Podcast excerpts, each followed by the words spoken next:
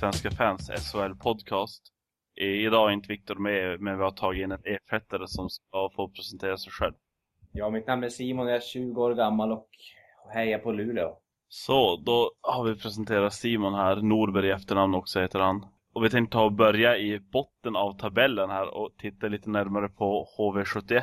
Snacka om fiasko, vad händer där?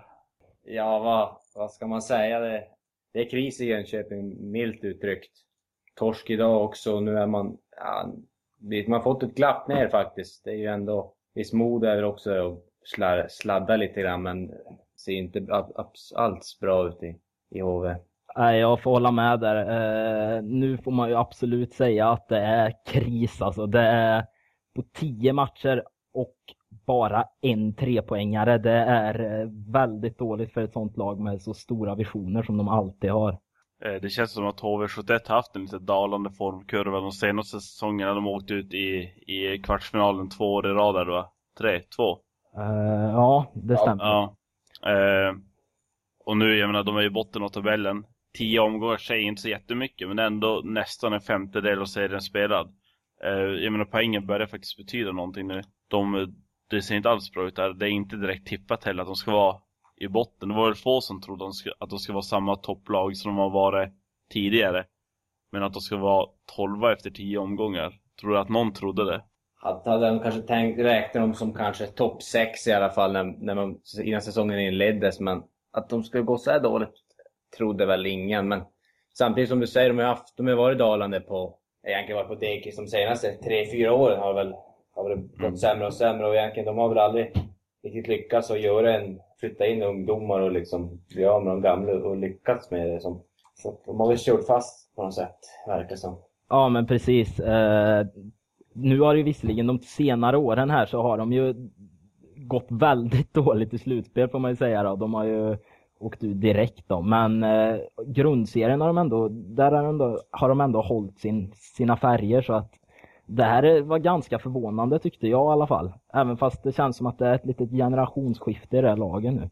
De har ju faktiskt börjat ta in lite yngre spelare. De har ju ett gäng 94 93 92 er Och jag menar, det är ganska unga. De har till och med 95 där, eh, Pilot eller vad han heter efternamn. Amerikanen. Eh, det, det, är ju ganska unga spelare. Eh, som så kanske tar lite tid innan de blir vana att spela i elitserien. Men fortfarande, det är ju helt klart underkänt det här. Tror du de kommer att vara kvar i botten av tabellen då, om vi ser på tio omgångar till? Alltså jag tror det kommer, det kommer hålla på ett tag till det här ändå. De kommer ändå börja knata ihop ett par poäng snart framöver tror jag. Men jag tror det kommer inte bli någon direkt vändning sådär. Det tror jag inte. Eh, jag tror väl att de kommer, jag tror de kommer till slut att hanka sig med som kanske en lag 7-8 kanske. Men jag tror de får, får svårt att komma mycket högre i år, HV. För att det verkar som att Petrasek börjar gå, han bör vara slut. Han var inte varit bra alls. Han är ändå kaptenen.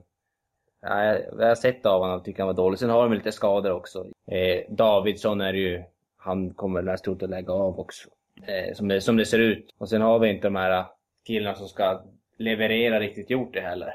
Det finns ju ganska många frågetecken i det där laget som ser ut just nu. Och sen till exempel Gustav Wesslau har inte varit riktigt eh, i samma form som han var i fjol direkt om man säger så. Han var kanske seriens, eller en av seriens bästa målvakter i alla fall. Det, det har varit lite ojämnt där. Ja, men precis. Eh, jag tror, alltså HV, de har ju det här att det finns ju en form av vinnarkultur i det här laget. Det, det har det ju gjort under en väldigt lång tid. Men eh, som sagt, det här generationsskiftet nu, jag vet inte, det kan, det kan ta något år för dem. Eh, jag tror inte att de kommer lyfta sig särskilt mycket faktiskt i år, utan jag tror att de kommer få harva i botten faktiskt. Eh, jag vet vi pratade om det sist här med Johan Davidsson då. Han har ju som sagt, han har ju haft det här laget på sina axlar under en väldigt lång tid. Eh, nu är ju han, har han gått sönder och jag vet inte, det är ju tveksamt där om han kommer tillbaka. Eh, men skulle han göra det så skulle det klart vara en, en viktig förstärkning för dem. Absolut. Oskar, jag tyckte du var lite otydlig där. Du sa att de kommer vara i botten. Jag vill ha placering. Vars, vars är de på tio omgångar till, tror du? Ja, vad ska vi säga? Nej, men jag tror faktiskt, eh, jag tror nog faktiskt 11-12 här. Jag tror inte det kommer bli så, så mycket mer utav det. Jag tror eh, överlag så tror jag att det kommer vara en väldigt jämn serie så som det har börjat också faktiskt. Eh, jag tror det kommer vara jämnt precis in i 55 omgången. Jag får hoppas jag har rätt, men jag tror inte det. Jag tror det kommer bli ett ganska tydligt eh, toppskick på två, tre lag. Och likadant i botten, att det kommer vara ganska tydligt. Och sen kommer det vara hyfsat jämnt i, i mitten av tabellen. Men eh, jag, jag tror också att Modo kommer vara där nere. Jag säger att de, Modo och HV kommer byta plats med Leksand och AIK tror jag. Så att de kommer ligga där i botten sen. Alltså det, ja vi får se. I alla fall, eh, nästa steg är, kommer de att sparka tränaren? Det är ju klassiska åtgärder med sådana här problem. Alla klubbar gör det nästan. Eh, alltså jag tror, de verkar ha ganska stort liksom, tillit, stor tillit på, på Uffe Dahlén ändå. Eh, men eh, jag tror faktiskt att hans tid i klubben börjar vara räknad. Nej, jag, jag, tror han, han är sparkad innan, innan nästa match faktiskt. Jag, jag, jag tror han, han, är det. Ja, jag håller med här. Eh, de behöver göra något drastiskt nu. Verkligen. Eh, så att det är absolut inte omöjligt att han är borta i klubben innan nästa omgång. Men är det hans fel? Sånt där är ju svårt att svara på. Eh, men det brukar ju vara en enkel grej att göra. Eh, man kan säga vad man vill om det, men det brukar ju ofta bli så att man tar in en ny röst.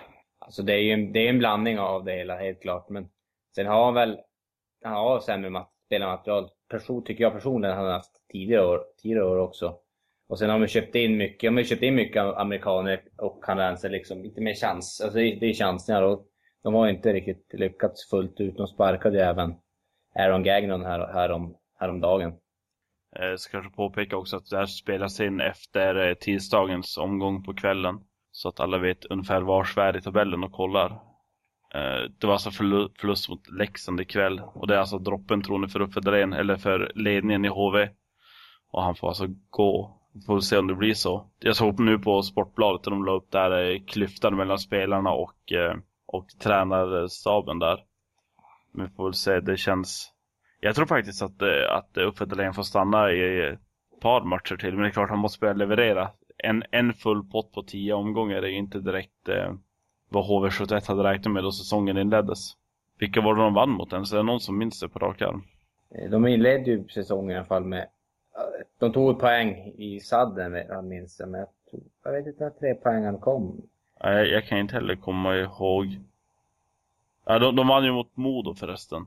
Ja, det var ju, var inte förra veckan? Ja, det var förra veckan. Ja, förra veckan förra var det. Tisdagen, eh, Och då kan man också tänka på att Modo alltså är det andra bottenlaget i dagsläget. Så att, vet inte riktigt hur mycket det säger, men tre poäng är tre poäng. Precis. Och det är under all kritik, det måste man säga. det är absolut under all kritik. Sen, ja, alltså, sen har de släppt in så mycket mål som de gjort också. De har släppt in tio mål mer än de som släppt in näst mest också.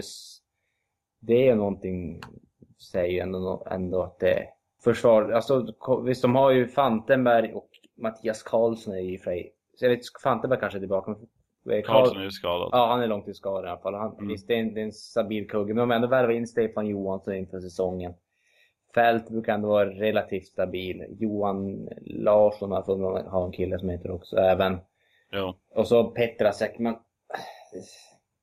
Det klingar ju, det, det, alltså, det är en helt okej okay backbesättning, men det lämnar en hel del frågetecken liksom. Och så, som du säger, nämnde tidigare också att Gustav Westlau har ju inte rosat marknaden i början av säsongen heller.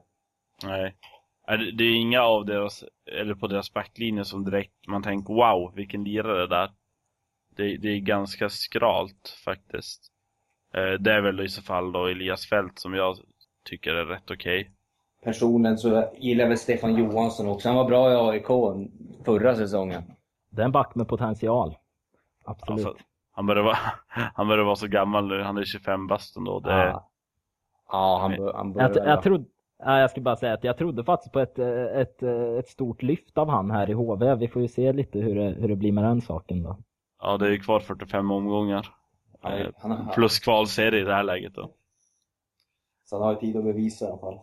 Ja. Eh, jag vill lyfta fram, eller har ni något mer att säga om HV? Som du vill vädra? Jag känner mig, jag känner mig ganska nöjd faktiskt. Mm. Utan jag tror vi har fått med det mesta. Då är vi tomma på åsikter. Jag måste bara lyfta fram eh, Örebro också lite grann. Nu i... De ligger, oh, de ligger trea i tabellen eh, just nu. På grund av bättre målskillnad än Linköping då de förlorar på straffar mot Växjö. Eh, Och det är ju minst sagt imponerande då väldigt många tippar dem som ett absolut bottenlag. Eh, jag tror inför säsongen, jag hade dem även, jag tror jag hade dem inte på kvalserieplats. Jag tror vi hade dem kanske en 9-10 eller något sånt där i den stilen. Men det som är mest imponerande med Örebro så här långt tycker jag att det är framförallt spelmässigt de, de hänger med väldigt bra också. Det är inte bara att de tar sina poäng liksom, utan de, de är med väldigt bra i matcherna och till och med bättre i många fall.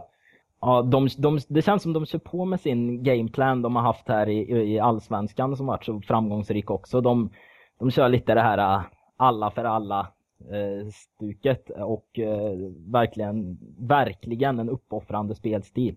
Eh, vi såg här mot Frölunda då, som jag tyckte var lite anmärkningsvärt. De hade täckt 19 skott i den matchen. Framförallt Kover där kanske som har, har ätit en del puckar med sin kropp hittills. Han går ju i bräschen kan, kan man ju lugnt säga. Jag såg ju idag även mot Luleå, de, de täckte ju skott i massor. Mm. Även idag. Ja, de, de leder den där statistiken. Var det inte du som sa någonting om det Oskar förut om vi pratade? Eh, Linköping och Örebro, de har någon statistik där. Eller minns jag fel nu? Ja, uh, nej jag läste det i någon krönika här att uh, Örebro, de hade, det var just det mot Frölunda då, då när de hade täckt 19 skott och mot Frölundas en den matchen. Uh, och Roger Rönnberg hade uttryckt sig där lite om Emil Kåberg att han, han var ganska brutal att möta. ja, han äter verkligen puck den killen. Skoj att säga hans blåmärken. Eh, är det någon mer lag vi känner att vi måste ta upp innan vi går vidare här? Annars är det väl ganska ungefär som väntat i stora delar av tabellen, känner jag. Ja, det är väl egentligen Brynäs som har gjort en uppryckning också. Nu har det bara gått tio omgångar, men de, de har verkligen ändå kommit igen från förra säsongens fiasko. De öppnade ändå förra året helt okej okay också, men de ser, de ser piggare ut i år. De har en bättre trupp i år också, enligt eh, mina, eller så som jag ser det i alla fall. Ja, det, det kan vi faktiskt hålla med om där. Absolut. De har ju tagit en ganska bra, både Anders Sweat och Greg Scott är ju ganska bevisat att de är ganska skickliga spelare på den här nivån. Ja, men alltså det är ändå, inför säsongen, det, ta in en amerikan liksom, det är ju ändå riskarbete. Absolut, det är en, det är en stor chansning man tar där. Ja, precis. Eh, det har vi ju sett i väldigt stor del att det har varit mycket, mycket som känns som att det har varit ganska oscoutat faktiskt runt om i hela ligan gällande amerikaner. Ja, men just... Vad säger du? Nej, kör du Simon. Ja, men just eh, vet nu, skott där framförallt. Men även, ju Örebro, Tim Wallace, han gjorde fyra poäng ikväll mot, mot Luleå också. Så det är ju verkligen transatlanter som bidrar. Sen finns det även de som inte gör det. Men just sådana värvningar vill man ju gärna se mer av. Jag måste bara ta en följdfråga på det här då. Tror ni att det varit någon eh, liten hysteri nästan då eh, det här eh, begränsningen med transatlanters försvann? Att nu känner klubbarna att det är dags att värva transatlanter för de är bra i till exempel AHL. Och sen, eh, sen vet man inte riktigt vad man ger sig in på om man tar hit dem. Ja men precis. Eh, det, det känns som sagt det som att det är mycket, mycket som inte är så bra scoutat om jag ska vara helt ärlig. Det är lite som att man, ja men den, den spelaren har bra statistik från AHL och han har spelat lite NHL-matcher. Men sen kanske absolut inte passar in i, i större rinkar. Och eh, ja, sen känns det till stor del så är det många transatlanter som har kommit hit och sagt också att uh, ja, jag hade inte förväntat mig att SHL skulle vara så här bra och, och lite sånt. Så det känns, ja. Jag håller med där. Eh, just, det var tidig Henrik som, som tror jag nämnde där också just att, att han var förvånad att ligan var så bra. Han har varit upphåsad på riktigt där inför säsongen men han har väl inte direkt gått så jättebra för mig. Jag, ursäkta, vem, vem sa du nu? TJ Henrik i, ja, i Mora. Ja, nej, det, det, har ju varit en del. En del har ju lyckats riktigt bra. Brynäs eh, uppenbarligen. Men eh, det känns också att vissa klubbar har mest värvat för att de, eh, de kan. Inte för att de bör. Vi får väl säga tid. Det, det är klart en omställning för dem också att eh, eh, ett nytt land, ny kultur, nytt språk, nytt spel i princip. Det är stor skillnad. Så vi får väl se tiden får väl utvisa om det kan bli någonting av dem. Ja, men jag tror det var ändå Oskar som var in på det när vi pratade eh, häromdagen. Han sa ju liksom att de har ju ändå haft liksom hela försäsongen på sig och även nu tio matcher in i serien. Så bör, mm. ändå, bör ändå sätta sig lite. Ja, precis. Det här äh, med att, att säga att äh, man inte har kommit in i den stora rinken och, och spelsättet. Det känns som en ganska dålig bortförklaring faktiskt. Just nu i alla fall. Det har ändå gått så pass lång tid tycker man. Men ja, vi får se som sagt. Ja, jag, jag kan nog köpa den förklaringen i två veckor till ungefär och sen, sen är det dags att visa vad man går för. Men ska vi lämna tabellen och gå vidare till eh, hockeytittarna, publiken som har svikit stort i år. Vad tror ni att det beror på? Om vi börjar i den änden. Ja, mycket har ju förstås med att göra med det här eh, tv-tittandet. Det har ju tagit över ganska stor del eh, förstås. Men eh, det finns ju även anledningar av att jag kan tycka att det känns som att, eh, vad ska jag säga, de är dåliga på, de flesta klubbar är ganska dåliga på att marknadsföra, vad ska jag säga, marknadsföra sin, sin, sitt varumärke liksom. De, eh, nej, jag skulle nog vilja att man profilerade lite mer så här som i NHL, att man kanske sätter så här olika matcher i matcher liksom. Kom till Karlstad ikväll och se Didiometer tacklas ungefär. Nej, men det, det, finns ju mycket vinklar man kan ta av som det känns att man skulle kunna utnyttja på ett helt annat sätt faktiskt. Annan orsak, det är väl alltså som det alltid varit, priserna, alltså, de, de, det är även en prisfråga för många liksom. Just det där. Eh, jag kan ju bara prata för Luleå nu, men de hade ju, eh, tror det var den helgen, Kids Day liksom. De fyllde upp kortsidan som of, annars ofta brukar stå tom. Det är ju mer sånt som egentligen kan behövas. Sen är det ju, visst det var en härlig match det också. Det är ju framförallt, eh, jag vet jag har ingen statistik på det, men det är ju vardagsmatchen där som är, som är de största bovarna för publiktappet också. Ja, det är inte så jättemånga som går och betalar 250 spänn för en sittplats en eh, tisdag eftermiddag, uppenbarligen. Men jag menar, det, det, de flesta lagen har ju tappat. Det är Linköping som har gått plus. Egentligen en, enda laget som har gått plus riktigt markant. Sen i fjol va? Ja, ja. precis sen i fjol. Mm. Eh, sen är det några lag som står stilla och typ Brynäs och vilka mer var det som har tappat så Modo mycket? var det väl som har tappat? Ja, precis. De har tappat, Modo har tappat drygt tusen personer och eh, Brynäs har tappat ännu mer än så. Eh, så det, det, är en ganska oroväckande utveckling. Ja, det, det, alltså det, det, låter, det låter inte gott. Det gör det inte.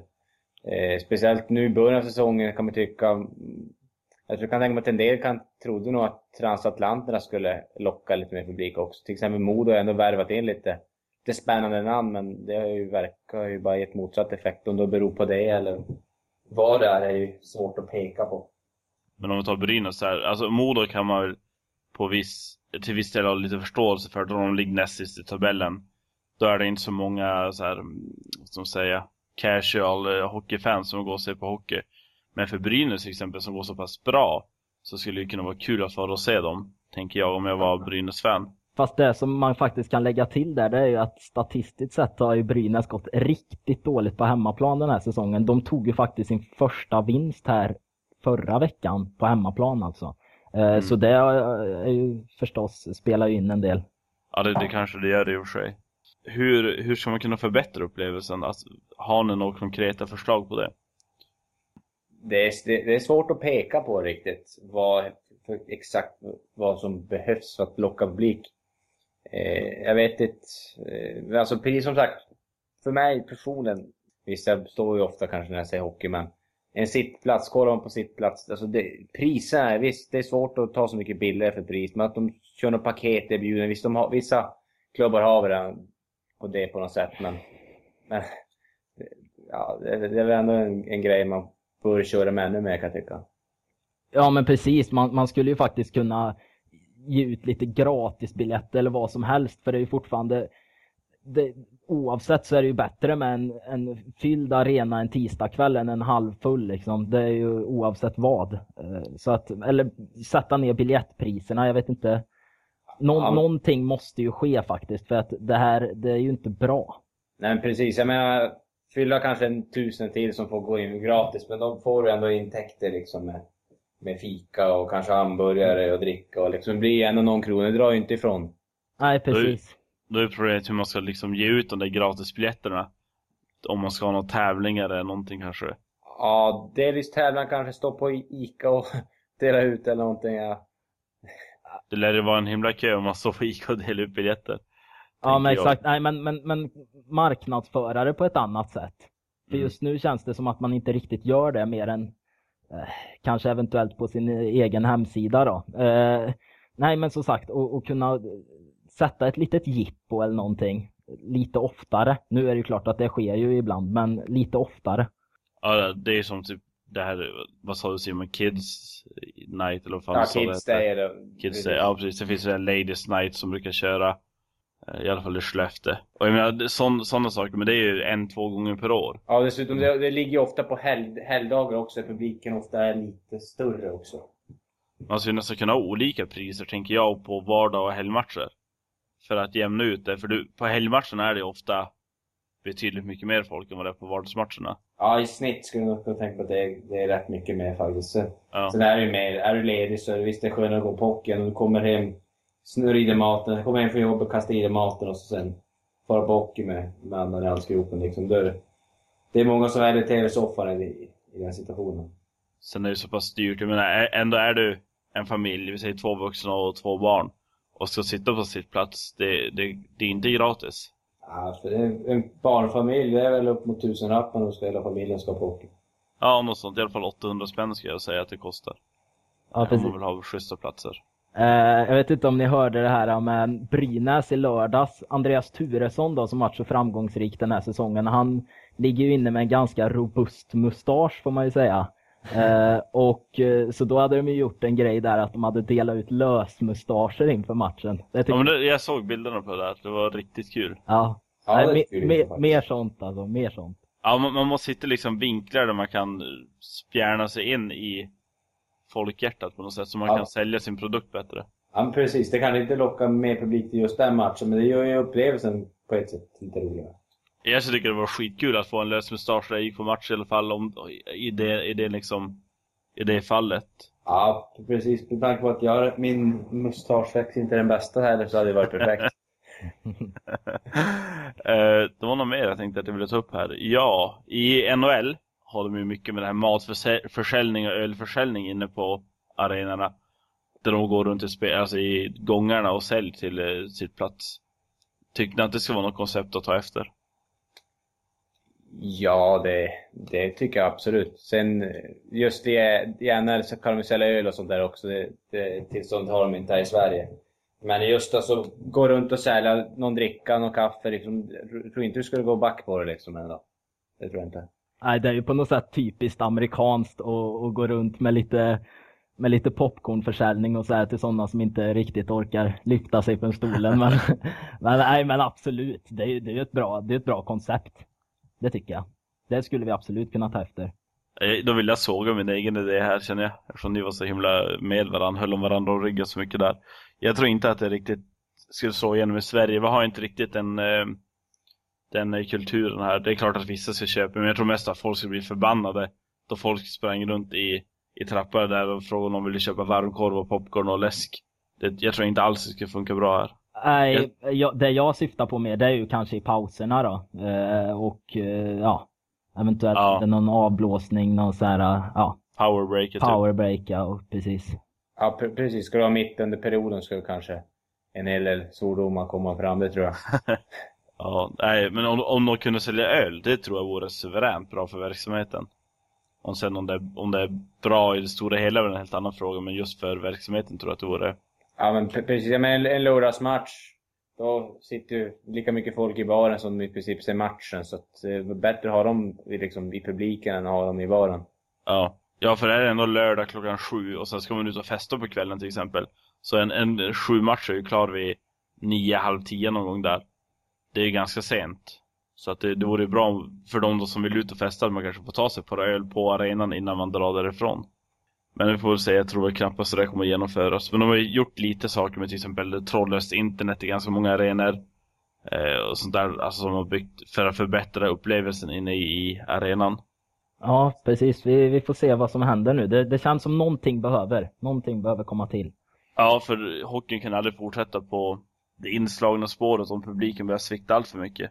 Ja, precis. Och med tanke på att det är nedåtgående siffror varje år också i princip, så är det ju oroväckande. Ja. Det är så himla bekvämt att sitta hemma i tv-soffan istället. Tyvärr. Och tyvärr så är det billigare också. Ja, ja, mycket billigare är det. Det är det som är grejen. Ja, ja men ska vi lämna publiken och gå vidare till lite grann toppen av poängligan här som är ganska intressant att kolla på. Det var tre Linköpingsspelare i topp fem. Ja, tydligen så går det ganska bra för dem utan, utan eh, Kalle Söderberg där. Och Ahlbrand med 18 poäng, Hjalmarsson med 12 och sen Mange Johansson med 12. Den, den sista där, Mange Johansson som är fjärde placerad, är ganska otippad alltså. Eller? Ja, man får väl säga det här klassiska gammal är äldst. Den, den killen verkar ju aldrig gå ner sig. Jag vet inte hur gammal är han? 40 år nu? Ja, 40 eller 41 va? Ja, han, han, han är inte dagsfärsk. Han är inte, han är, han är inte purung längre. Nej, men man måste imponeras av Mange då liksom. Han har anpassat sig till den nya sortens hockeyn då. Det är inte lika mycket åka släde längre. Nej. Som det var på, på hans tid så att säga. Men han, han är, ja, han är 40 år. Så mm. nej, men han, han gör, med tanke på att han var på nedgång i fjol, då trodde man att, att karriären var på, på dipp där. Men han har på, vad är det, på 10 matcher han nu. 9 matcher har han gjort 12 poäng så att man, nej, man måste, man måste nästan applådera åt Mange. Absolut. Ja, det är en... Uppenbarligen så håller han fortfarande, precis som du sa så var han lite på dekis i fjol. Men året innan det vann han väl i Guldhjälmen om jag inte minns fel. Eh, alltså priset till eh, bästa spelare från spelarna i SHL. Ja, det, det, det, det gjorde han. Det, det tror jag faktiskt. Två, två år sedan alltså, ja. Nej men som du sa där, det är ju Albrandt och Hjalmarsson, alltså de, de verkar ju hitta varandra i sömnen de där två. Eh, de gör ju otroligt mycket poäng. Det känns ju som att den första kedjan där med Mattias Sjögren också, det är ju de som, det är de som gör målen i Linköping i alla fall. De har en riktigt starkt eh, profilerad eh, första kedja där till skillnad från ganska många andra lag som har fördelat sin poängproduktion på mm. en, två, ibland tre kedjor. Ja, Men där är det verkligen de har en spets som är riktigt vass alltså. Det är lite klass, gamla klassiska som det var förut. Du hade en, en slash två spetskedjor och resten var brunkare. Som mm. det ser ut i elitserien nu har de flesta lag i princip tre, tre kedjor som i alla fall kan gå in och leverera. Men som Linköping, de kör lite på det klassiska. Ja, det, det funkar uppenbarligen ganska bra också. Milt uttryckt. Milt uttryckt, ja. Eh, ska vi hoppa vidare till nästa talang. Det är Gustav Possler i Modo. Som inför idag, hade han gjort? Nio, nio poäng på nio matcher, varav sju mål. Ja, sju mål på sju matcher här nu. Det är riktigt starkt. Han tangerade något rekord här, vill jag minnas också. Så att som 18-åring är det ju, ja, det är coolt. Ja, det, det är ju rätt okej godkänd insats liksom. Det, det är svårt att klaga på han. Eh, och det är extra coolt med tanke på att Modo har gått eh, så pass knackigt som de har gjort. Precis, det hade de varit liksom i Skellefteås kläder hade man kanske kunnat ja, ändå skaka lite på skallen liksom. Att ta, inte ta det för allvarligt. Men med tanke på att han liksom, han är ju, det är han som är spetsen. Han utgör ju spetsen i Modo. Det är det som imponerar. Men en himla tung last att lägga på en 18-åring också att, att bära ett elitserielag. För ja, det, det, är lite det han har fått göra på ett offensivt i alla fall. Ja, men det är inte riktigt typiskt Anders Forsberg-stuken då. att, att lägga det, alltså ge ungdomen chansen. Visst, det har han gjort, men Sen, sen kan jag inte diskutera bort att de ligger näst sist. Så frågan är om man, man prioriterar rätt där ändå. Nej, men precis som ni säger, det är ju, många förväntar sig att de här TJ Hensick och Jeff Tambellini skulle, skulle ösa in poäng här nu. Men nu har istället en, en uh, oprövad 18-åring verkligen dragit det stora lasset. Och många av hans mål har varit utav rena individuella prestationer också. Så att uh, det har inte varit något, något speciellt liksom förarbete om man säger till många av dem. Nej, det, det, är en verkligt otroligt skicklig spelare. Eh, jag vill bara dra vidare på deras spåren som Anders Forsberg som eh, lyft fram juniorer. Eh, jag, jag känner så här att för Modos del, som också har varit lite på dekis de senaste åren, så är det kanske rätt drag att börja satsa på ungdomar igen. De hade ju Sveriges bästa plantskola för ett antal år sedan och det kanske är dit de är på väg nu igen. Med tanke, om man kollar på laget så finns det ju väldigt många unga spelare som, som kan vara lovande. Alltså jag, jag håller med dig delvis där. Eh, sen tycker jag liksom, har man köpt in spelare som Jeff Tembellini, TJ Hansik. Alltså om man, om man ska satsa på ungdomar, liksom gör den satsningen så tycker då, då ska liksom, då tycker jag det är fel väg att, att ta in sådana glidare liksom. Men det, jag vet alltså att i så fall ska vill man göra den satsningen ha killar, i det, alltså sådana som Gustav Åsson, han spelar ändå liksom 17-18 minuter per match. Och då, det blir ju på bekostnad kanske lite grann av de här stora stjärnorna. Alltså, jag menar, det kan bli lätt, lätt kan bli schism liksom i, mellan där. Klyfta, han är ju liksom...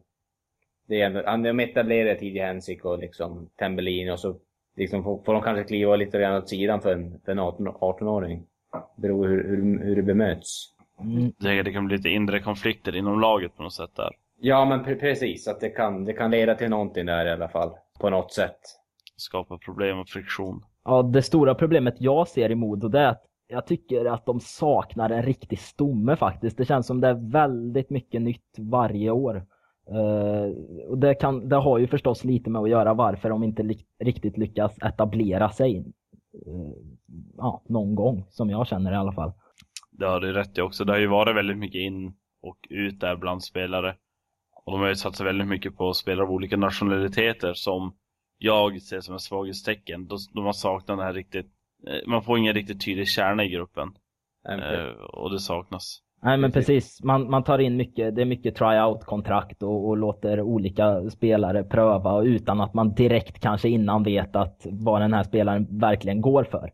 Mm. Och så ska det väl egentligen inte behöva vara. Sen kollar man även, och så ska, jag skulle se Modos omsättning sen guldåret också. På, alltså de vann väl, vad, vad är det nu, är det 6-7 år sedan de vann SM-guld? Spelaromsättningen sen den tiden, det var intressant att se hur mycket de har använt, hur många spelare de har använt sig av. Ja, det har ju varit, det har ju passerat en hel del killar i det där laget. Ja. Men jag, jag tror de har någonting bra på gång här nu faktiskt. Eh, med att, med målet liksom att, eh, att återigen bli den där plantskolan så tror jag absolut att Anders Forsberg är rätt huvudtränare att ta i laget.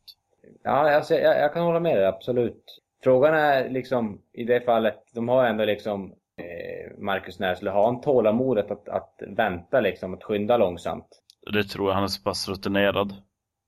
Jag, jag, jag tror att eh, Moda har något bra på gång om man ger dem den här säsongen blir det inget SM-guld och inte nästa heller och inte förmodligen den efter det heller. Men sen kan det börja hända saker i det här laget tror jag. Alltså, det är en process.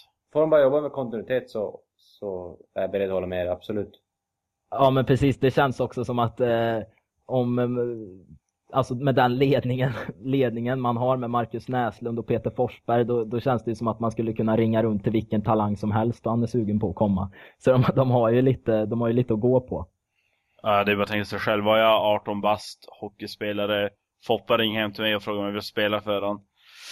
Jag, jag skulle nog vara ganska snabb på att tacka ja, tror jag. Ja, det känns så faktiskt. Inte så svårt flörtad i det fallet. Nej, vi får väl se det. Men det, det, samtidigt där med att vara tålmodig är ju svårt då publiken börjar svika också. Det är ju jättesvårt att ha en långsiktig plan då man är så här ständigt riskerar att åka ur ligan. Precis, och med tanke på att, som du sa, publiktappen också. Frågan är hur, hur pass långsamt man kan skynda. Ja, det blir ju lätt. Ja, jag skulle bara säga att det blir ju lätt då att man tar in de här när, när man börjar svikta, ja, som sagt, då börjar man ju ta in de här spelarna som man kanske inte har så bra koll på. Panikvärva lite grann. Uh, sätter spelare på tryout-kontrakt lite här och var. Ja, vi får se vart det kommer leda. Det är, jag tycker att Modo är ett av de mer spännande lagen i årets elitserie faktiskt. Och se hur det går för dem. Jag tror inte vi hade något mer på schemat om inte jag kommer på någonting under kvällens gång. Nej, det är egentligen bara Fabian Brunström till Leksand som är väl ändå lite uppseendeväckande värvning. Ja, det, det kan man faktiskt säga. Vad, vad tyckte ni om den? Personligen så är jag inte så jätteförtjust i Fabian Brunström. Jag tycker han, det han visat sen han kom hem från NHL slash AHL eh, i mina ögon så eh, han säkert, kostar säkert väldigt mycket. Och med tanke på vad han uträttat senare tiden så, så tror jag att, att det är fel väg att gå. Där håller jag inte med. Eh, jag, jag, tror faktiskt att det, jag tror att det här blir en bra värvning av Leksand. Han, han har inte fått så mycket uträttat nej sen han kom tillbaka som Simon sa här. Men å andra sidan alltså, i Leksand så kan han få lite större, större utrymme och jag vet att eh, Micke Johansson sa det där också. De två hade en väldigt bra kemi i Färjestad så det ska bli intressant att se om de hittar varandra lika bra i, i Leksandsdressen nu då. Eh, jag håller faktiskt med Oskar i det här fallet. Att jag, jag, tror att Brunström kan vara en en riktigt bra värvning för Leksand som behöver lite mer spets. Och det finns, det finns ju i Brunström, det är bara att plocka fram det också. Det har inte Frölunda lyckats med. Vi får väl se hur det ter sig. Ja, men har vi inget mer vi vill plocka fram så tar vi och tackar för oss. Och sen återkommer vi igen på två veckor. Hej då! Ja, hej då.